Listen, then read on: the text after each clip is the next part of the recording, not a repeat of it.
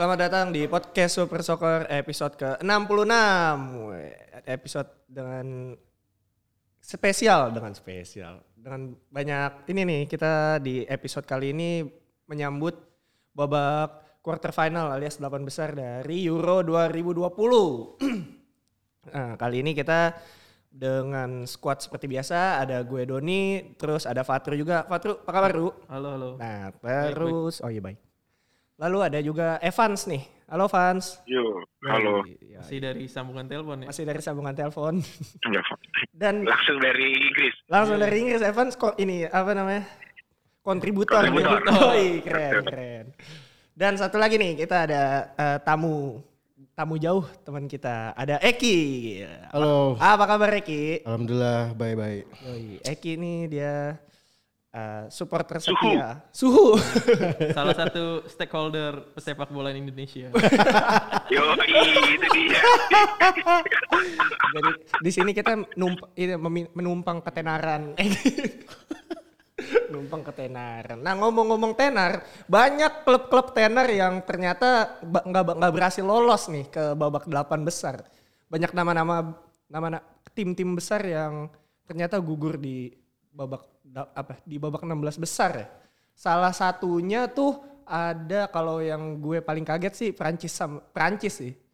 Prancis kalah lewat adu penalti nih. Walaupun skornya tiga sama, tapi dia kalah lewat adu penalti. Uh, dan di penalti terakhir yang gak golin malah si salah satu pemain andalannya yang digadang-gadang bakal bersinar, tapi malah flop. Ya nggak tahu sih gue bilangnya flop ya, Bape. Gimana menurut uh, siapa nih, Fatro atau Eki atau mungkin ada Lagi yang- dulu dong. Oh iya, gimana gimana? Gua gua ngelihat pertandingan Prancis Swiss kemarin tuh memang Nah, uh, di luar dugaan semua orang lah. iya, Karena iya. Prancis unggulan nomor satu juara Piala Dunia. Terus runner up di Euro 2016 juga kan. iya. Skuadnya juga mentereng semua, Ngeri ngeri semua. ngeri semua dari depan sampai belakang. Makanya banyak orang yang nggak nyangka-nyangka kalau dia bisa dikalahin sama Iya. Swiss. Walaupun dia kalahnya lewat babak adu penalti ya, yang mana babak adu penalti itu udah udah nggak bisa diprediksi sama sekali. Iya, iya. Adu penalti itu udah bukan kuasa pemain, udah bukan kuasa pelatih lagi, tapi udah kuasa Tuhan itu. adu penalti. Parah, ini parah.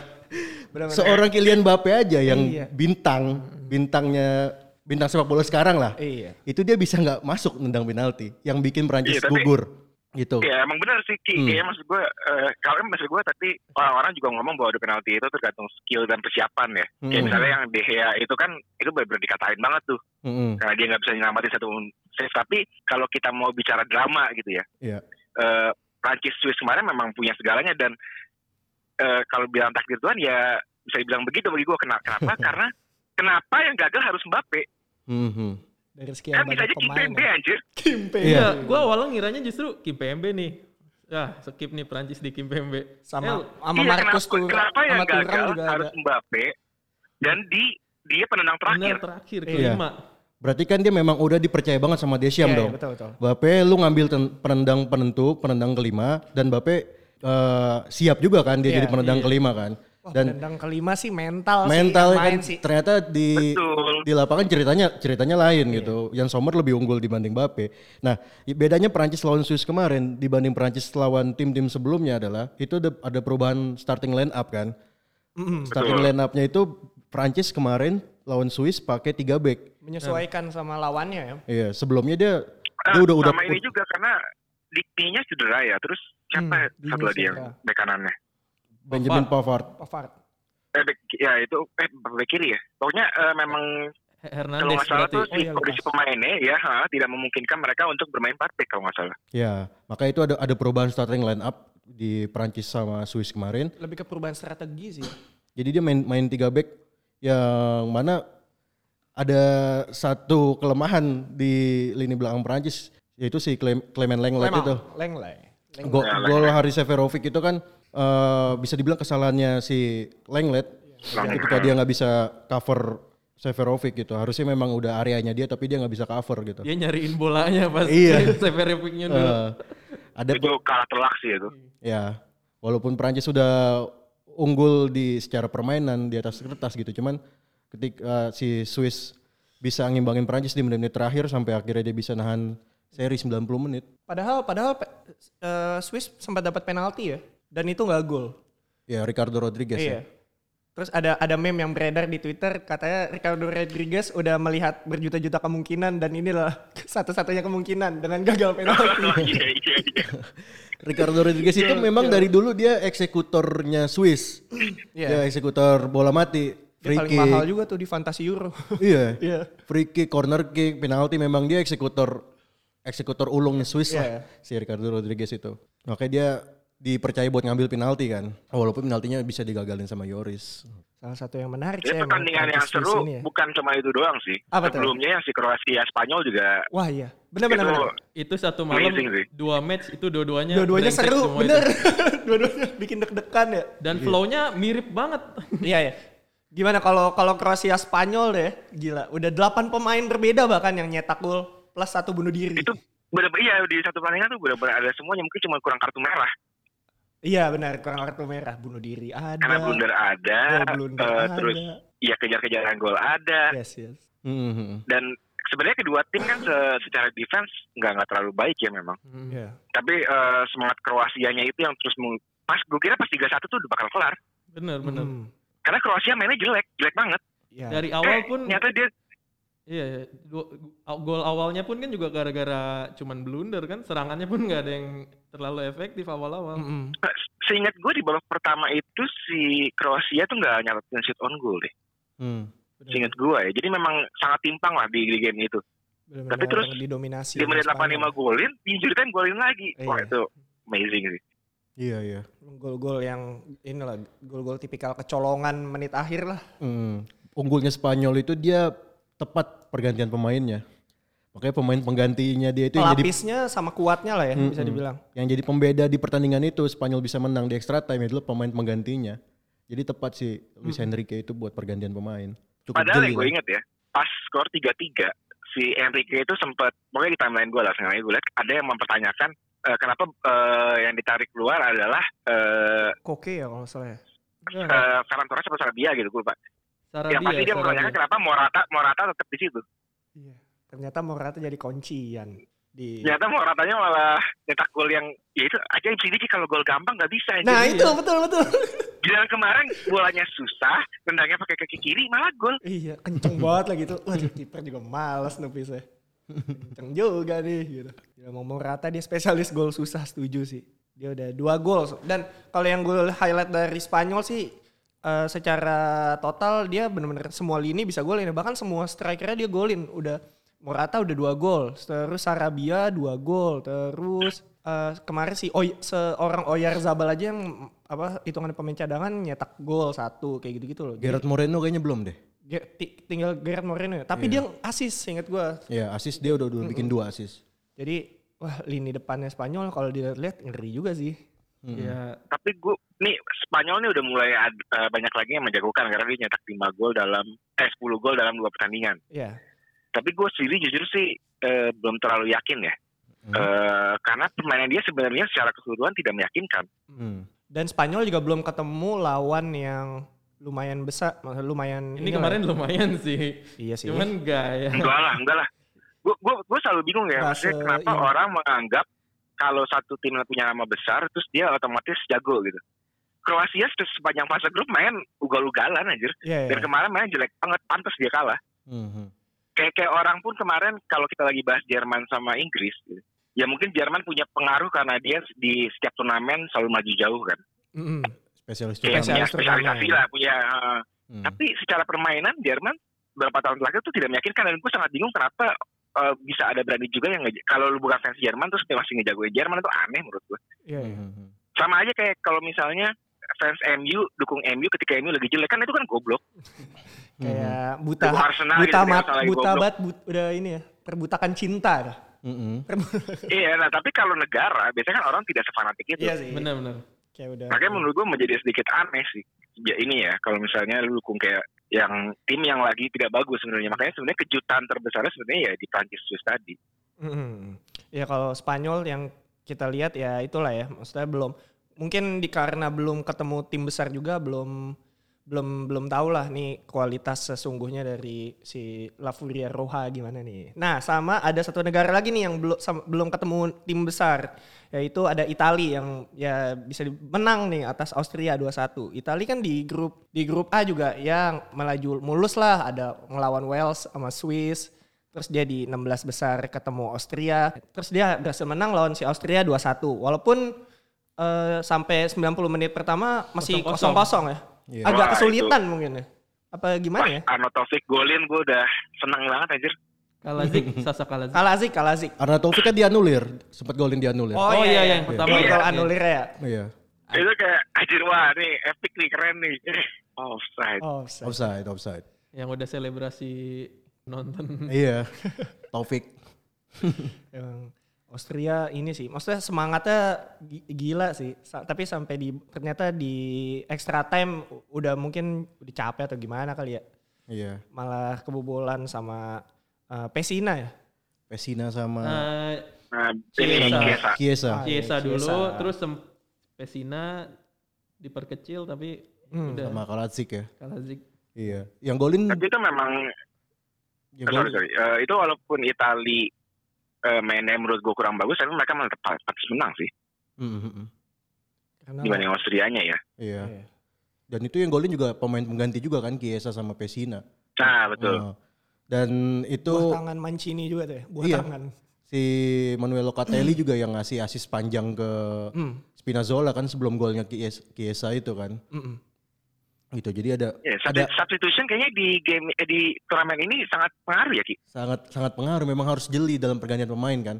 Karena makanya UEFA ngasih pergantian tuh lebih di, di Euro kali ini kan. Mm-mm. Nggak cuma tiga lagi tapi sekarang lima. Lima ya. Bahkan kalau extra time bisa boleh nambah pergantian sampai enam. Enam ya. Heeh, gitu. Makanya pelatih ini harus jeli dalam pergantian pemain, nggak nggak harus asal-asalan gitu. Makanya kita harus kita sering ngelihat pelatih tuh kalau udah main seri nih menit menit 80, 75, 80, dia jarang ganti-ganti pemain kan karena dia persiapin untuk nanti di babak extra time-nya gitu. Karena kelihatan banget kalau eh, pergantian pemain sangat berpengaruh untuk untuk hasil akhir gitu. Ya, kemarin Inggris Jerman juga salah satu kuncinya Pergantian masukin pemain ya. sih benar. Masukin Grilis tuh game changer lah. Iya. Eh, sedangkan Jerman masukin Gnabry, Gnabry-nya malah tanda kutip blunder gitu di yang pas gol kedua kerebut sama Shaw. Ya benar, kerebut show, terus show-nya langsung menggila, langsung dari sisi kiri. Dan eh ya mungkin kita langsung lompat ke pertandingan Inggris kali ya. Hmm. Si Inggris Jerman, ya, aduh, ketendang, maaf. Si Inggris itu ya selain masuknya Jack Grealish, eh yang dipertanyakan semua orang mungkin dijawab ya sama Southgate. Southgate, sama Southgate. Kenapa sih ini Sterling dimainin mulu? Nah, gue gue gue pengen tanggapin nih soal Sterling kenapa sih Kenapa Sterling dimainin terus gitu. Orang-orang fansnya Inggris gitu atau orang-orang yang selalu ngecengin eh, ngecengin si Sterling, it- dia nggak ngelihat apa kalau cuman Sterling yang bisa bikin gol buat Inggris. cuman Sterling yang bikin gol di babak penyisihan, Sterling yang bikin gol lawan Jerman pembuka, tapi kok ini orang di eh, kata-katain terus Iya. gitu. Kenapa gitu? Yang pemain yang lainnya ke mana? Pemain yang lu kata-katain itu dia bikin gol buat timnas Inggris, gol penentu gitu, gol kemenangan. Yang lainnya ke mana gitu? Giliran yang enggak ya udah ya. Iya, Iya, iya. Kayak Harry Kane gitu dipasang padahal nggak golin selama di babak Iya. pertama. Lebih absurd Lebih sebenarnya Harry absurd. Kane itu. Iya. iya. Kayak kayak Harry Kane tuh dibutuhin ya cuma presence kaptennya dia doang sih. Ya ya. Ka- Kalau kalau di dalam kalau di antar-antar kampus itu dia kapten Sweet kali ya. Kapten Sweet. paling Karena gini sih paling jago bagi gue ya, si Sterling ini memang gue lihat di City pun ya, dia permainannya tuh eh, kadang-kadang tidak eksplosif lagi dan memang sudah jarang eksplosif ketika dia masih muda. Kalau dia dulu masih muda, kalau kalau ingat lah pas zaman dia masih di Liverpool dan di City awal-awal, dia tuh senang banget ngegocek aja. Berapa pemain digocek, Iya, dilewatin iya. kayak gitu. Hobi. Mhm. Gaya permainannya udah jauh berbeda sekarang. Mhm, mhm. Dan itu memang mungkin bagi beberapa orang kurang terasa menonjol kali. Iya, iya. Dan yang gue lihat tuh Inggris ya sampai dari dari pertandingan pertama sampai babak 16 besar dia tuh nggak punya pakem formasi ya kalau yang gue lihat. Selalu gonta-ganti eh, pemain di, di di starting gitu kan. Bek kanannya pertama kadang dia pakai pertandingan Walker. pertama enggak Trippier dulu, kedua Chris James, baru Kyle Walker. Trippier bahkan di bek kiri kan ditaruhnya. Sampai semalam Iya akhirnya betul di game pertama. Di game Inggris pertama. pakai tiga back kan lawan Jerman. Akhirnya dia pakai tiga bek gitu. Itu tuh itu ada fakta menarik. Jadi si Inggris ini sejak 2012 eh, eh 2012 atau 2000 berapa? Pokoknya belum lama lah, belum terlalu lama. Mm-mm. Dia itu mempersiapkan eh, backroom staff yang luar biasa sih FA ini. Mm-mm. Hmm. Dia ngambil satu analis, gue lupa namanya Rice, Rice siapa gitu. Eh, dulu dia itu analis di tim rugby-nya Wales dan Mhm. berhasil membawa juara, lalu dibawa ke eh, FA, ditarik gitu, jadi head of analisnya si Inggris. Mm. Dan eh, si backroom staff-nya ini, eh, am- kalau jadi misalnya nih ketika Euro ini misalnya nih, Mm. Hmm. atau gelaran Piala Dunia kemarin, setiap pertandingan lawan yang potensi dihadapi Inggris, misalnya di baru di fase gugur, terus ada potensi nih dia bakal kita misalnya kayak biasanya udah ketahuan ya, Mhm. itu langsung dikirim scout untuk eh, nonton pertandingannya langsung. Hmm. nyatet data, dapat rekamannya juga, rekamannya di breakdown segala macem. Nah itu yang kemudian dikasih ke Southgate sama eh, siapa asistennya Holland. Iya. Nah eh, katanya keputusan untuk mainin Trippier di kiri pas di game pertama lawan Kroasia. eh lalu semalam juga maininnya Saka sama si Sterling tanpa Yes, pemain nomor Saka 10. Sterling. Itu semua keputusan diambil berdasarkan analisis tersebut. Dan sejauh ini terbukti efektif. Iya, iya. Padahal si analis tadi basicnya rugby ya. rugby tadi pakai buat basicnya bola. rugby, ha. Rugby Wales lagi. Rugby Wales. Tapi emang kayak Wales bagus kali di di rugby-nya. Larinya ngebut. Dan sebenarnya si Inggris ini bisa melakukan itu juga eh, Hmm. karena pemain-pemainnya mereka walaupun di posisi yang sama rata-rata gaya mainnya beda. Iya. Hmm. Variatif. Jadi si Southgate itu benar-benar bisa milih gue mau mainnya kayak gimana Iya, sesuai iya. kebutuhan Mau main eh, kayak tim. gimana, tinggal masukin pemain ini. Mau main kayak gini, masukin pemain ini. Banyak. Bener- Opsinya banyak. Wah gila, seru sih. Yang yang punya pakem itu kan cuma Declan Rice sama Calvin, Calvin Phillips doang kan Iya, yang iya. yang nggak Phillips, terganti. Posisinya di situ cuma mereka berdua doang gitu. Mary Kane. Sama Harry Sama Kane, Harry karena Kane. dia kapten. Iya. Main Nah. Siapa sama lagi Pickford. ya di depan? Sama Pickford. Iya, masa Sam Johnston Sam Johnston. ini kan degradasi lebih klubnya. lebih ke nggak ada pilihan kayak kalau itu deh. Jago ya. Iya, karena kan klubnya klub kecil jadi dia diserang terus. Iya sih. Tuh. Kalau di Inggris kan enak depan dia Maguire, Johnston, jago-jago ya. Iya.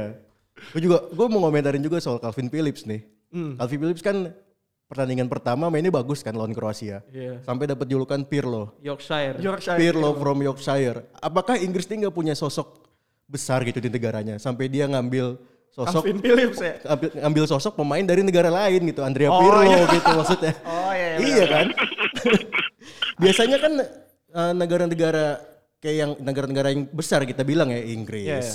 Perancis, Belanda gitu kan.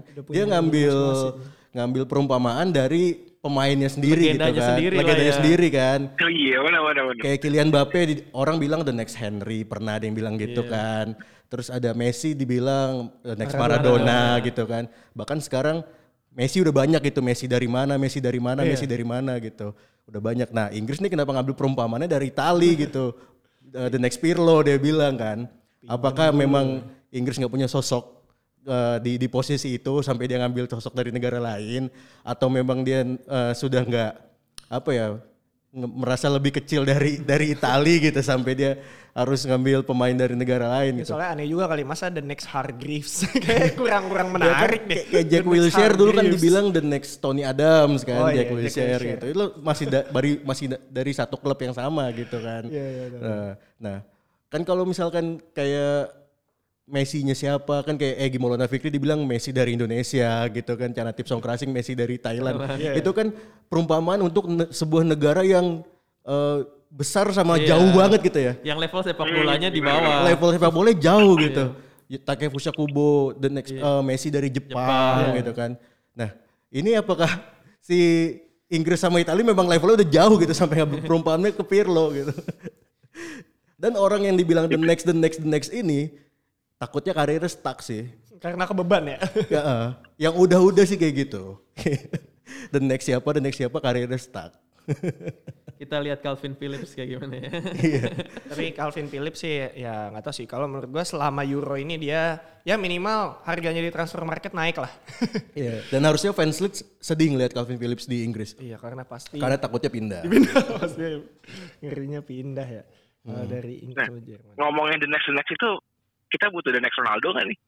Nah lo karena Ronaldo yang sekarang udah gugur ya. Iya. Udah, dan, dan kemungkinan jadi emang udah Euronya terakhir ini dia. Iya. Nggak sih gue percaya dia Euro 4 tahun lagi main deh. Tiga tahun lagi. Iya. Oh iya benar tiga tahun lagi. 2021. Ma- percaya gue percaya. Kayaknya sih masih bisa masuk tim tapi belum tentu main ya. Eh, Tapi ya sayang sih kayak bahwa Ronaldo masih nggak dimainin sih gitu. iya. Soalnya soal, tapi kemarin tuh mainnya ya walaupun memang pertandingannya temponya sangat lambat ya entah kenapa ya. Hmm. Tapi eh, Ronaldo memang sepanjang turnamen menurut gua udah di level internasional dia tidak lagi segila dulu. Iyalah. Presence ngerinya tuh kayak udah biasa aja lah. Dan Iya. dulu juga yang masih dari samping lari-lari segala macam sekarang ya udah nunggu di depan aja. Iya. Udah posisinya juga udah jadi striker Iya. Target man ya. target man. Dan tendensi dia memang buat mecahin rekor aja sih di Euro tahun ini kan. Rekor, rekor, rekor semuanya akhirnya rekornya pecah semua kan. Tapi secara statistik juga dia lumayan oke sih. Dari apa? Ya dia sekarang top skor sementara. Terus secara percobaan apa shot on target juga dia paling banyak di di Euro ini dia 8 shot on target. Ya dengan nggak tahu sih kalau begini penalti itu dihitung gak sih? Di Nah, Di, ma- maksud gua gini. Kalau soal itu ya oke lah, walaupun Ah. tiganya juga penalti ya. Tapi dia udah gak bisa lagi jadi pembeda dong. Benar-benar. Hmm, Iya udah gak bisa jadi Nah. pembeda lagi. benar-benar. Sedangkan kalau dulu tuh dia memang sangat sering menjadi faktor tersebut, faktor X tersebut. Jadi menurut gua ketika kemarin si Portugal tersisi, gue sih udah ya ngelihatnya ya, ya udahlah nih udah emang udah berakhir gitu masanya si Ronaldo. Hmm. Untuk dia sebagai andalan udah berakhir lah ya. Iya. Mm, betul.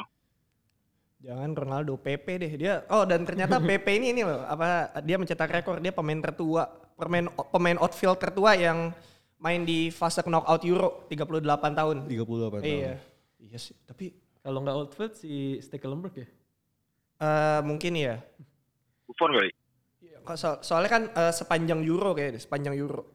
Mungkin Buffon umur 39. Kalau nggak Buffon, Zoff paling. Iya sih, pasti kiper-kiper Italia yang penuh ini. Tapi selain selain Portugalnya, maksudnya fa- faktor Portugal kalah ya nggak nggak cuma karena Portugal yang terlalu bukan terlalu ya, ya pokoknya masih mengandalkan Ronaldo lah. Tapi Belgia secara tim juga eh walaupun ada Kevin De Bruyne dan Eden Hazard, tapi yang jadi pemecah kebuntuan malah si adiknya Hazard, si Torgan Hazard. Bahkan sebelum itu Belgia nggak mencatatkan satu tendangan pun ya. Mm-mm. Di, di shot on target pertama si Itu gol dari Anta Branta tuh ya itu. Tapi golnya juga bagus sih. Golnya bagus. Golnya bagus. Golnya Tapi nggak bagus. nggak nggak. Branta dari Iya, jauh. tiba-tiba loh gol gitu. bagus lagi gitu. Lumayan mengagetkan. Dan ternyata emang Nah, yang menjadi masalah adalah eh, si Belgia ini eh, di match berikutnya lawan Italia belum tentu diperkuat sama De Bruyne dan Hazard. fix katanya sih. Tanpa Eh, De Bruyne dan Hazard katanya. Eh, Yang iya. gue baca-baca sih. Kata meragukan. statement pelatihnya sih emang diragukan main kemungkinan besar Heeh. kecuali kalau emang Belgia bisa melaju ke babak berikutnya. Iya betul. Hmm. Cuman agak Itu sulit. menjadi tantangan tersendiri tuh. Kenapa? Karena kalau kita ngelihat dia main lawan dia lawan Rusia nggak begitu berasa lah. Mm-mm. Pas lawan Denmark itu lumayan berasa. Kayak sulit banget ya. Pas nggak ada De Bruyne ya. Hmm. De Bruyne masuk, De Bruyne masuk Iya. baru mulai satu satu terus Hazard masuk dua satu kan. Iya. Tapi si Martinez juga udah punya backup plan sih dengan adanya si Yuri Tillemans itu. Makanya seri- selalu dimainin tuh si Tillemans. Kayaknya salah satu ya walaupun apa ya cara mainnya juga ya nggak nggak sama persis lah sama De Bruyne jauh kalau sekarang mah. Cuman dia jadi kayak eh, asuransi terakhir lah si Yuri Tillemans untuk nge-backup si De Bruyne itu. Untuk di Belgia sendiri ya. Betul. Terus selain Portugal, tim besar yang gugur tuh ada satu lagi di babak 16 besar. Ada Belanda nih yang sangat mengagetkan seluruh jagat perjudian. Gue yakin banget oh, siapa sih yang nyangka Belanda kalah bos. Mulus di grup ya. ya Lawan Ceko, lawan Ceko keok 2-0. Juara grup loh dia lawan Austria. Tapi itu emang Ukraina. Deli bego banget ya. itu sih emang poin intinya itu sih. Emang Delik doang udah. Go- Gobloknya itu maksudnya kayak anjir lu pemain profesional Eropa kelas kelas dunia lah kan gitu kata Iya. tanda, tanda kutip ya. Mm-mm. Kok bisa bisanya kepikiran untuk nyentuh bola anjir? Nggak nyentuh sih nepak lebih nepak. Iya nepak nepak anjir. Bisa bisanya kepikiran gitu nepak bola kan. Eh, bola nih pak. lucu gitu. Lucu lucu Delik tuh. Dan dari situ mungkin langsung emang dia gugur dianggap, ya. mungkin dia pikir ah gue cuma dapat yellow kali kayak emang keputusan sebelumnya Iya, kan iya. emang sebelum review VAR Kuning. dia dapat kuning doang kan. Iya. Padahal aksinya aksinya itu merugikan Parah langsung. iya, satu tim. Langsung geger satu langsung geger. Ya padahal sebelum dia kartu merah itu ya si Belanda walaupun nggak nggak menurut gua masih belum bisa membuktikan bahwa dia nyetak gol ya gitu karena Iya. memang masih masih kosong kosong. Di Tapi ya menguasai pertandingan gitu. Yes, di babak Nyerang pertama juga lumayan kan. bahaya semua. Iya. Apalagi si Bahkan tepat sebelum kartu merah kan ada yang peluang emas ya siapa strikernya? Doniel Malen. Malen. ya. Malen Malen Hmm. yang one on one ya. Mm-mm. Kocak juga tuh. Doniel Malen. Itu Memang nggak tahu sih Belanda. Ya mungkin kalau itu golin ceritanya lain tuh pertandingan tuh. Bilangnya lain mungkin. Mungkin. Hmm. Sayang itu nggak Iya. gol. Malah Ceko yang berhasil ini ya Mengejutkan. mengejutkan di babak eh babak apa babak kedua lewat golnya si Halls, Thomas Hall, Oh iya Thomas Thomas Holes. Holes. Schick. Ini kekalahan keduanya Frank de Boer sama Ceko. Dan langsung ini ya, langsung mengundurkan diri ya. Mengundurkan diri apa dipecat sih? Mengundur- Kalau Pecat, pecat. Orang kontraknya masih ada sampai 2 tahun lagi. Waktu 2004 kan Frank de Boer itu dia kapten Belanda. Hmm. Kapten Belanda, cuman dia pas lawan Ceko itu dia nggak main. Kaptennya Philip Koku waktu itu. Oh, Terus Belanda Belanda gugur eh Belanda kalah kan sama si Ceko itu. Di comeback ya, kalahnya ya. Kalau nggak salah di yang comeback ya zaman benar yang zaman-zaman netfet segala yang macam 2004 kan? itu, Oh ya. iya tahu tahu. Iya di comeback benar. Iya, Poborski. Poborski, Jan Koller, Milan Baros gitu, Peter Cech. Dan itu kalau nggak salah Ceko tuh lagi ranking 2 FIFA waktu 2004. Oh iya ya, itu. lagi lagi golden generation. Parah. Lagi golden generation. Dan sekarang Frank de Boer tuh kalah la- kalah lagi sama Ceko di Belanda tapi, Tapi, emang, sebagai pelatih. Iya, selain itu emang Ceko berapa kali emang jadi batu sandungan Belanda. Waktu kualifikasi Euro 2016 yang bikin Belanda nggak masuk. Iya. 2016 Oh, iya. itu Ceko. Ceko juga ternyata. Iya. Iya iya iya. Emang ini Dendam, ada dendam. musuh bukan, Musuh nyusahin Kryptonite. mulu. Kryptonite. Kryptonite-nya Belanda nih Ceko kayaknya. Gila. Emang banyak lah ke kejutan-kejutan yang terjadi di babak 16 besar. Mungkin eh, ada dua pertandingan lagi tapi nggak usah terlalu dibahas lah ya karena kita mau ngebahas si quarter final ya. Karena 16 besar yang sisanya ada eh, Wales yang kalah sama Denmark 0-4 sama ada Swedia juga yang takluk 1-2 dari Ukraina dari anak asuh Andriy Shevchenko. Nah, di quarter final pertama nih ada pertandingan ada pertandingan yang lumayan ditunggu bukan dit- nggak ditunggu-tunggu juga sih. Eh, malah di, yang gue pengen sorotin di quarter final ini malah cuma ada satu eh, satu pertandingan yang mempertemukan dua tim besar. Sisanya ya tim besar ketemu underdog, tim besar ketemu underdog. Malah ada du, ada satu pertandingan yang nggak terlalu ini apa nggak terlalu diduga lah bakal terjadi di quarter final. Ada ini yang pertama kita bahas aja kali ya. Ada Ceko sama Denmark nih. Ceko, Ceko Gua- siapa yang Tapi duga sih? sangat menantikan Denmark sih. Nah, ya ya. Denmark, Kenapa Denmark lawan kenapa Wales tuh jago banget. Kenapa? Main mainnya tuh mainnya menghibur anjir. Bener-bener. Kayak emang Ini semangat. satu-satunya tim yang menurut gua secara permainan gitu ya. Hmm. eh, bisa dikatakan semua orang bakal sepakat dia pantas berada di quarter final. Yes, yes, benar-benar setuju. Wal- walaupun eh, nggak dihuni pemain-pemain yang wah, tapi kayak nyatu aja gitu ya secara tim. Benar, benar. Apalagi dia Aduh, udah gua- membuktikan main di luar Denmark ya kayak yang podcast sebelumnya kita Ya, bahas. betul. Hmm.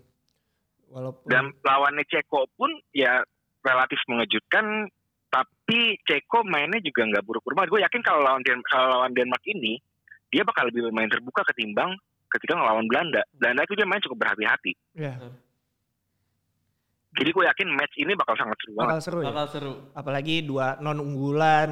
Mereka dua-duanya ya kalau Ceko ngelihat Denmark bisa nih kita ngalahin Denmark nih. Denmark ngeliatin Nah, ngeliat betul, Ceko betul. bisa nih kita ngalahin Ceko nih pasti all out tuh seru tuh. Ketimbang Walaupun gue pribadi masih tetap ngejagoin mah kalau ngeliat mainnya ya. Denmark ya. Iya. Operan satu dua satu duanya. Wah itu Ya jago kalau banget. Terus siapa yang sayap Ah. kirinya yang gantiin Erikson? eh, yang gantiin Erikson Damsgaard ya kalau nggak salah ya. Nah itu juga jago banget anjir. Nggak nggak keduga juga tuh ya. Kayak kalau di Piala Dunia 2018 tuh yang tiba-tiba cadangan tapi jago pemainnya Rusia tuh. Siapa namanya? Yang langsung direkrut ke Madrid. Aduh lupa lagi. Golovin. Oh, dia memang pemain Madrid. Eh, Chef, Cherry Chef. Cherry Cherry Chef, Chef. ya ya. Oh, Iya, Sevilla. Dia memang pemain Madrid. Oh dia emang pemain Madrid ya? Main Main Sevilla kan itu. Oh dibalikin ya kalau Ya pokoknya dia lu inilah salah satu eh, pemain cadangan yang tiba-tiba bersinar lah ya. Damsgaard. Damsgaard. Dan di belakangnya juga disiplin banget ya Denmark ya. Mm-mm. Tapi itu juga, itu juga seru karena ketemu Ceko yang punya Patrick Schick. Patrick Schick juga lagi bersinar juga nih, udah 4 gol ya di di mana? Di Euro ini. Mana di sini dong. Hmm. Iya kayak gitu. Jadi kayak wah eh, salah satu pertandingan yang patut ditunggu walaupun ya ini bisa dibilang pertandingan quarter final yang paling gak diduga. Oh, tiba-tiba Ceko Denmark gitu kali ya. Iya. Sedangkan di pertandingan lah gimana gimana? Tapi ini prediksi gue loh. Hmm? Kan gue jagoin Ceko lolos emang. Oh iya betul. Padahal oh iya iya bener di Iya. episode sebelumnya ya. Tapi lu jagoin Kroasia lolos. Nah itu itu itu masalah. Gak apa-apa lah kan nam- kita bukan cenayang, bukan Ya, cenayang. kalau yang itu salah dua-duanya anjir. Gue juga gak nyangka Swiss yang lolos. Iya sih. Kayaknya gak ada yang nyangka deh Swiss yang lolos. Iya itu dua-dua itu nggak ada. Jadi udah lebih amazed lagi ini Swiss ada di sini nih. iya. Lumayan mengejutkan sih. Iya. Berarti ada ada ada tiga tiga tim yang dari jalur peringkat tiga terbaik ya. Iya Ada benar. Swiss, Ukraina sama Republik Ceko. Malah yang Satu lagi Portugal ya. Portugal. Cuman Iya. kandas. cuman Portugal kandas. Dan fakta menariknya nih grup grup neraka udah nggak ada yang bertahan nih. Grup neraka benar-benar udah Neraka. go out. Masuk neraka semua udah. Kenapa masuk neraka? Udah pada out semua nih dari perhelatan. Apa Kem- kemarin cuma dapat injury time doang ya. Iya, itu sisa-sisa nafas terakhir. Dan Lagi akhirnya sakratul maut anjir. lagi sakaratul maut. Itu tuh tadi Ceko Denmark ya. Nah, dan eh, Ceko Denmark ini satu bagan sama Ukraina Inggris. Hmm. Nah, ini Ukraina Inggris juga menarik sih kalau menurut gue. Karena kalau yang kita tahu Inggris kan strikernya sekarang Sterling. Eh, pokoknya yang lagi goal getternya lah, andalannya banget. Sedangkan back Ukraina nih, bukan back sih, pokoknya barisan pertahanannya salah satunya adalah eh, tim apa? Teman setimnya ya, Teammates ada Zinchenko. Zinchenko. Dan Zinchenko pun waktu di pertandingan lawan Swiss, eh Swiss, Swedia, Swe, sama-sama eh Swe. Dia jadi man of the match jadi pertandingan itu. Mungkin udah si Zinchenko udah ngasih tahu nih ke teman-temannya hati-hati Sterling mainnya gini-gini gini. Iya. Sterling maruk gitu. gini aja jaganya. gitu. Ah dia mah ini aja ntar diving juga tiba-tiba gitu. Nggak usah jagain Ya, pasti temennya. Teriak- Teriaknya pasti jangan ambil sekali anjir. iya iya. Sama jangan jagain temennya udah Sterlingnya aja. Fokus. Kagak bakal ngoper. Nggak bakal dioper. Menarik juga sih nih ngelihat Ukraina sama Inggris nih. Da- Tapi di antara kalian ada yang ngelihat Ukraina bisa menang kalau nih guys? Gue sih jujur nggak bisa ya. Iya sih. Ah, mungkin kalau sampai ke bisa dibawa ke extra time dan Sterlingnya lagi underperform, mungkin bisa. Nah itu ya bisa bisa. Itu kalau itu bisa. ya karena kemarin ngelihat Swedia sama Ukraina di babak extra time udah Iya, iya. wah udah Itu juga udah ngap-ngapan kan? udah pada jatuh-jatuh semua, habis semua mereka. Itu kalau bukan karena kartu merah, Mm-mm. eh, kayaknya masih sulit sih. Iya, Kartu merah yang agak sadis ya. sadis itu. Kakinya ke belakang kayak ayam anjing. Ah. Parah sih dah bola ke belakang anjing. Gila itu Bukan tek- kayak ayam ya. Kayak ayam. bango. Tackle-nya bahaya tuh Swedia. Ukraina Inggris ini juga menarik nih karena secara historis mereka ternyata jarang ketemu, jarang ketemu. Dia cuma baru ketemu tujuh kali nih yang di website UEFA.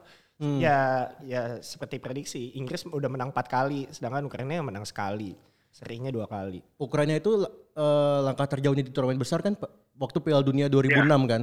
Itu sampai perempat final Perempat sebelum final, kalah ya. sama Italia. Betul, sama Italia. betul. Pemainnya masih masih Andriy Shevchenko waktu itu. Ya. Enko, betul. Sama Andri Voronin. Nah, Andriy Voronin ya benar. nah sekarang Tim, langkah ter Timosyuk, Timosyuk. Timo Ah, Anthony. Timosyuk. gitu. Nah, sekarang juga langkah terjauhnya juga nih di Euro sampai perempat final. Major turnamen lah ya. Major turnamen lah. Heeh. Tapi ya gitu sih tadi sama kayak ya kayak yang Evans bilang agak sulit melihat Ukraina bisa mengalahkan Inggris dengan formnya yang sekarang ya apalagi ya Inggris ya. Hmm, hmm. Terapi. Betul. Dan faktor kemarin dia main sampai extra time menurutku bisa ngaruh juga. Hmm. Iya betul. Karena eh seenggaknya ya Inggris ini baru pertama kali dia keluar kandang. Iya. Ya. Empat game berturut-turut main di tempat yang sama. Hmm, Nggak perlu travel, nggak perlu apa. Ukraina selalu travel. Uh, udah ke mana-mana dia. Iya. Ibaratnya paspornya udah penuh capnya tuh. Udah muak kali itu masuk keluar pesawat.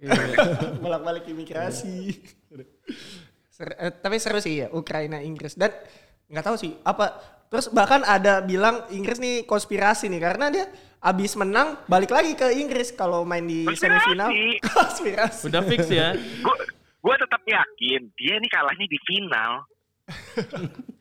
Tapi kalah Wembley sebelumnya kan kita ngira kalah, kalahnya sama Prancis nih kan Prancis gak ada nih. Kalahnya sama siapa nih di final? Sama Itali lah. Jadi sama Itali. Sama Itali.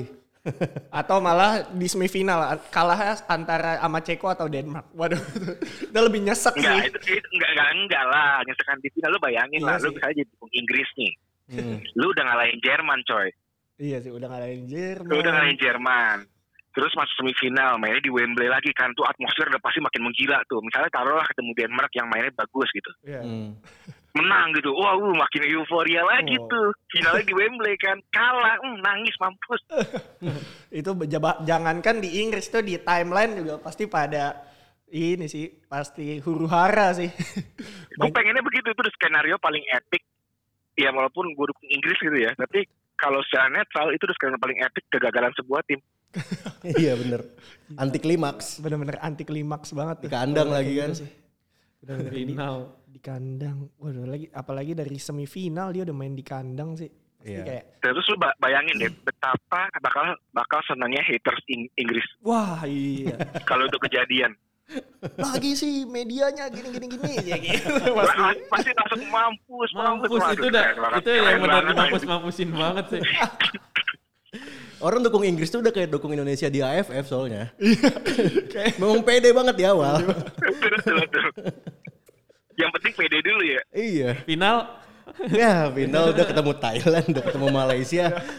mau ke mana tetet deh ya gitulah Ing- ini Inggris sebagai tim yang dijagokan berarti ya ngelawan Ukraina ini ya nah yang jadi pertanyaan nih siapa yang mungkin untuk mengalahkan Inggris di ya kalau kalau Inggris masuk final siapa yang mungkin mengalahkan yang paling mungkin untuk mengalahkan si Inggris ini nih ada empat tim yang berkompetisi yang yang pertama dari Swiss S- Swiss Spanyol dulu deh kalau dari Swiss Spanyol kita lihat eh Swiss Spanyol mana nih?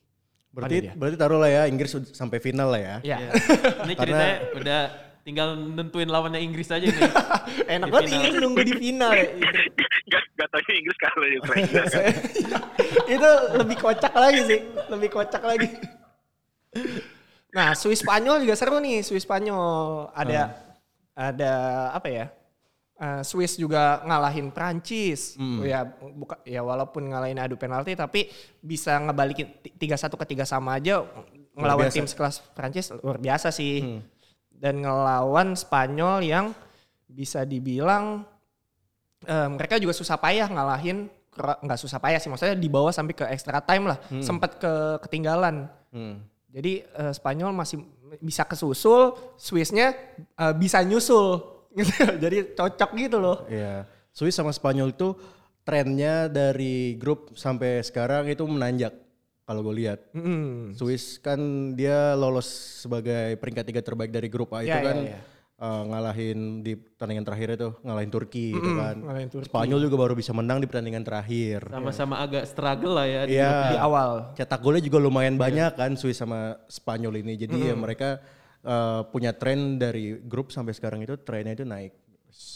Dan kalau gue lihat ya dari pertandingan kedua ini ya mungkin Spanyol lebih unggul karena nama- nama-nama bintang gitu, nama-nama mentereng. Cuman kalau ngelihat dari permainnya ya bisa dibilang mereka ini imbang. imbang imbang Heeh, Spanyol sama Swiss. nggak melulu ada nama besar Spanyol sih di sini Mm-mm.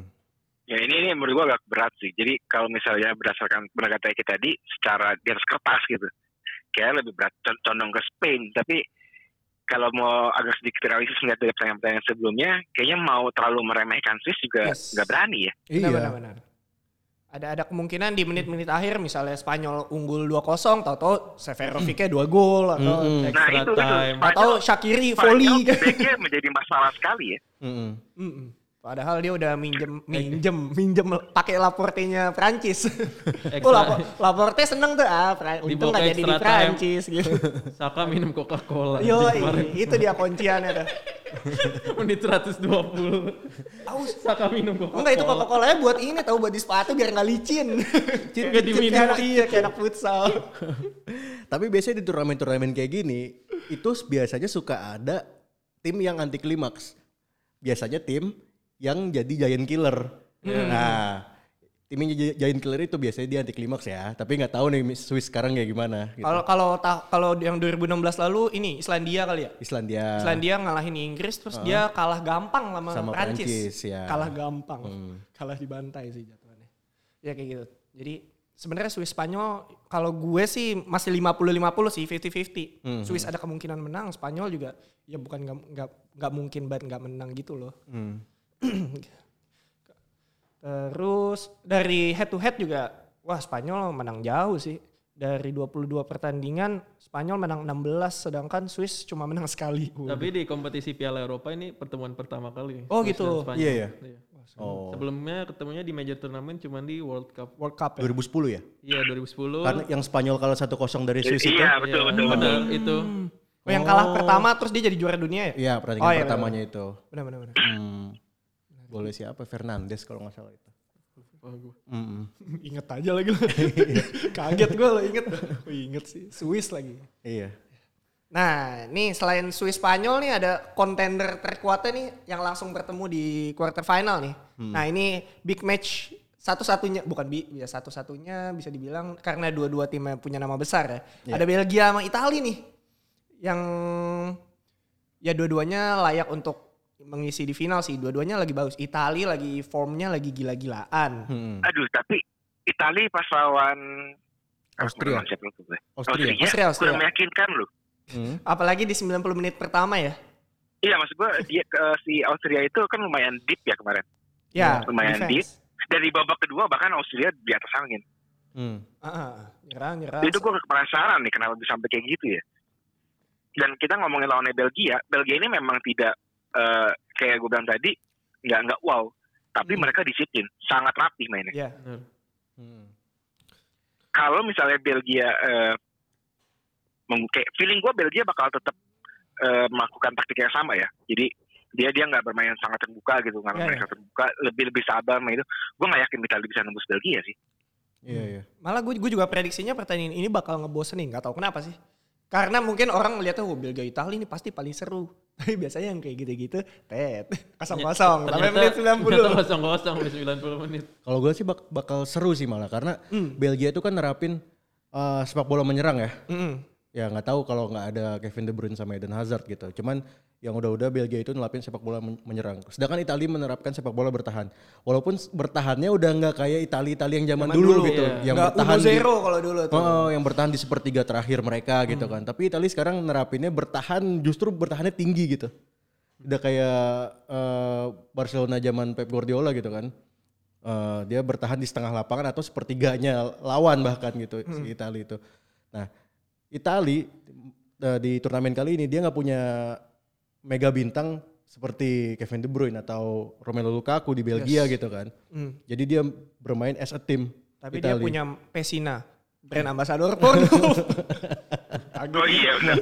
Pesina. Tapi dia punya Pesina. Dia pakai merchandise porn apa? PD lagi ya? Ya kan. Aneh aneh tuh orang. Untung jago ya. Dan keunggulannya Belgia dia punya Lukaku. Lukaku itu dia striker Serie A. Dan dia Oh sudah, iya. udah hapal gaya bertahan Iya benar benar benar benar. gaya bertahan back-back Itali, gaya, gaya bertahan pemain-pemainnya Itali gitu. Ya itu bisa jadi keuntungan Benar, benar, buat Lukaku juga gitu kan. Oke, gue pegang Belgia. Langsung. Kayaknya Lukaku hat trick. Waduh. Waduh, waduh. Agak mengagetkan ya hat trick lawan Italia yang udah lama kebobolan. Eki ya, Heeh. harusnya sih Belgia loh. gue juga sepakat. Gue lupa bahwa si Italia di di Euro sepanjang ini eh, nera- nerapin high pressing. Mm. Dan itu lawan Belgia yang kalau sekali counter kayak gitu. Wah, ngebut bro. Ngebut. Kiri Lukaku kanannya. bisa bawa bola dari tengah lapangan anjir. ada Torgan Hazard. Terus winger-wingernya ada Sekalipun nggak ada De Bruyne juga ya nggak ada De Bruyne masih ada. lumayan ini. Masih ada penggantinya. Pasti lah. Masih ada Tielemans, gelandang tengahnya juga kuat ada Den Donker. Wah, ngeri. Yang main juga pasti Dres Mertens yang Mertens sih, wah itu. Orang Napo, di dia pemain Napoli, lagi. Napoli Dia kan. main Napoli. Mertens sih kayaknya pasti main, pasti main sih. Apalagi ngelihat Hazard yang nggak main. Iya, Hazard nggak main. Pasti diganti Mertens. Ya Udah prediksi, prediksi. Wah langsung. Ya ini mah mudah lah. Cek mudah lah. Ah kemarin aja kita, gue cuman bener dari 8 lagu gue bener 4 doang. Gue Yang bener. Prancis gak usah dianggap lah. Gak ada yang tak, gak ada yang ini ya. Gue Belgia Inggris, pokoknya Belgia Inggris gue masih melaju nih. Final final ideal gue masih masih berjalan sampai sekarang nih. Siapa dulu nih yang mau duluan? Eki deh Eki. Kita kan belum tahu nih Ki, prediksi lo selama ini. Sekarang gimana nih? Udah gua kalau suruh prediksi meleset terus. ah nggak apa-apa Ya, itu. Jadi nih yang mau, Justru mau kita masang. jadi bisa milih lawannya. Nah iya. Ini prediksi di- buat lolos ke mana semifinal? Yo semifinal. Semifinal. Italia ketemu Spanyol, Inggris ketemu Ceko. Eh, Inggris ketemu Denmark deh. Inggris ketemu Denmark. Denmark iya sih. Semangat bakal- Kevin, eh, semangat Christian Eriksen. Iya, masih dalam ininya ya. Eh, Fatru gimana Ru? Kalau lu Ru? Gue Inggris ketemu Denmark, Belgia ketemu Spanyol. Belgia Spanyol ya. Lu tadi Swiss ya? Spanyol, Eh Spanyol ya. Tapi Italia. Italia. Kalau lu gimana fans? Lu fans? Hmm, Denmark Inggris udah pasti lah. Ya, Denmark Inggris Eh, ya kanan ya. Hmm, Orang yang ini nih kayak Belgia sih satu, tapi yang Iya. di Spanyolnya harusnya sih Spanyol, tapi gue pengen sih aja Sama. biar biar ada kejutan lagi gitu nggak nggak Iya. Kayaknya nggak apa nggak monoton. Hmm. kayak bakal ada iya kayak bakal ada satu tim yang kayak wah tiba-tiba ngalahin banyak tim-tim gede dan nggak disangka sih, bener. Nah kalau misalnya ada kejutan, feeling gue ya dari game si Swiss Spanyol ini, jadi gue milih Swiss lah. Hmm. Gue sih pengennya Spanyol sih. Pengen Spanyol. Euro nih ajang kumpulnya negara-negara jago gitu. Makanya sayang kenapa kenapa Prancis nggak lolos gitu kan. Belanda kalah. Belanda kalah. Aduh. Kalau gue masih Prancis itu salahin Prancis dah. Ini kalau misalnya Prancis menang itu Prancis lawan Spanyol, Belgium Italia itu bagarnya anjir. Prancis. ya sih, gue pokoknya siapa pun Padahal Prancis kalau ketemu Spanyol gue pasti tetap Prancis ya. Iya sih. Mending Prancis lah. Dari ini. Dari segi Oke salahin Prancis lah anjing. Salahin Pogba lah sana lah. Merusak tatanan. Pogba gol terakhir. udah kacau lah. Aduh. Tapi kalau kalau gue pribadi sih udah siapa pun semifinalnya, finalnya fix Belgia Inggris udah no debat. Waduh. siapa pun. Wah Belgia Inggris tuh prediksi gue dari awal Euro nih. Belgia Inggris. Udah Ini gue doang yang dukung Italia lolos berarti ya. Gue bukannya nggak dukung, tapi Prediksi. gimana ya? ngelihat dari realita, realita. Enggak realitanya juga yang nggak terlalu dominan ke Kira-kira Belgia. buat buat Inggris lebih menyakitkan kalau dari siapa di antara empat tim itu? Kalau gue kalah dari Ukraina menyakitkan sih. Karena orang Langsung, udah itu langsung banget anjing. sakit banget coy. Kayak oh, final nih sih. gampang nih. Abis lawan Tapi Ukraina kalau Swiss ini, juara? gitu. Eh, Hmm. Ya kayak kayak apa Greece tuh Yunani 2004. Loh ya tiba-tiba Hmm. iya. Ta- Tapi dari Inggris kalah dari Swiss juga sakit banget sih. Gila sih. Ya pokoknya banyak eh, inilah ya kemungkinan-kemungkinan yang bakal terjadi nih quarter final kali ini. Nah, quarter final kali ini nih bakal dimulai hari Jumat 2 Juli. Bra. Hari Jumat 2 Juli jam 11 malam dibuka dengan pertandingan eh, Swiss melawan Spanyol di Saint Petersburg. Lalu habis Swiss Spanyol jam 2 paginya ada Belgia Itali. Jadi yang mau nungguin Belgia Itali bisa nonton Swiss Spanyol dulu. Terus besoknya langsung digas lagi ada eh, Ceko melawan Denmark. Wah ini Jumat malam sama Sabtu malam cocok banget nih buat malam mingguan yang nggak ke mana-mana. Ya pasti nggak ke mana-mana sih. Jangan ke mana-mana dulu. Iyalah, mendingan nonton bola seru. Eh, Banyak lagi pertandingan yang seru. Ada Ceko Denmark. Ceko Denmark jam 11 malam. Kick off-nya dan ada Ukraina melawan Inggris jam 2 pagi. Ih, Ceko, Ceko Denmark mainnya di Baku ya kasihan banget. Iya, mainnya di Baku di Azerbaijan. Jauh. Jauh. kan ya? Jauh. Da- abis itu yang menang langsung harus ke Inggris lagi. Betul. Wah, ya itulah apa keseruan Euro 2020 tahun ini ya maksudnya benar-benar timnya bisa ke mana-mana gitu loh dan faktor perjalanan mungkin jadi salah satu yang mempengaruhi juga ya. Nah dan semua pertandingan ini bisa kalian uh, saksi bisa kalian streaming langsung di uh, aplikasi Mola ya di aplikasi Mola tuh mau dari handphone mau dari laptop Dan mau ada yang eksklusif juga Don di Nah, Swiss iya. sama Spanyol. Nah ya dan Swiss Spanyol ini eh, eksklusif eh, apa namanya streaming eksklusif di Mola di aplikasi Mola ya. Mau, mau nonton di laptop, mau nonton di handphone atau tab atau di laptop disambungin ke kabel HDMI, mau yang TV-nya gedean tuh bisa. Pokoknya Cuman 25 ribu. yes cuma 25.000 ribu lo bisa Daripada lo nonton di Twitter Waduh, ketahuan. iya. ngelek-ngelek lagi. Pokoknya Ca, ini. Bahasanya juga apa? Iya. Ah, kalau ini kan lu dapat ya apa ya komentator yang normal lo lu bisa tahu statistik-statistik pemainnya secara ini pokoknya seru lah pokoknya eh, lang- langganan Mola sebenarnya udah paling inilah udah paling re- realistis sih. Good deal. good deal sih. 25 51 pertandingan sampai final nanti aman semua pertandingan ada. Eh, udah lah ya paling itu aja kali ya dari eh, episode 66 kali ini menuju final. Nanti di episode selanjutnya kayaknya kita langsung bahas final nih. Karena kayaknya semifinalnya udah selesai gak harusnya sih? Harusnya ya. Hmm. ya udah deh Eh, kita tutup saja nih podcast Super Soccer episode ke 66 kali ini thank you yang udah dengerin Eh, kita berempat eh, undur diri dulu dan sampai bertemu di eh, podcast Super Soccer episode selanjutnya thank you semuanya Thank you. Bye bye. Bye. Ah.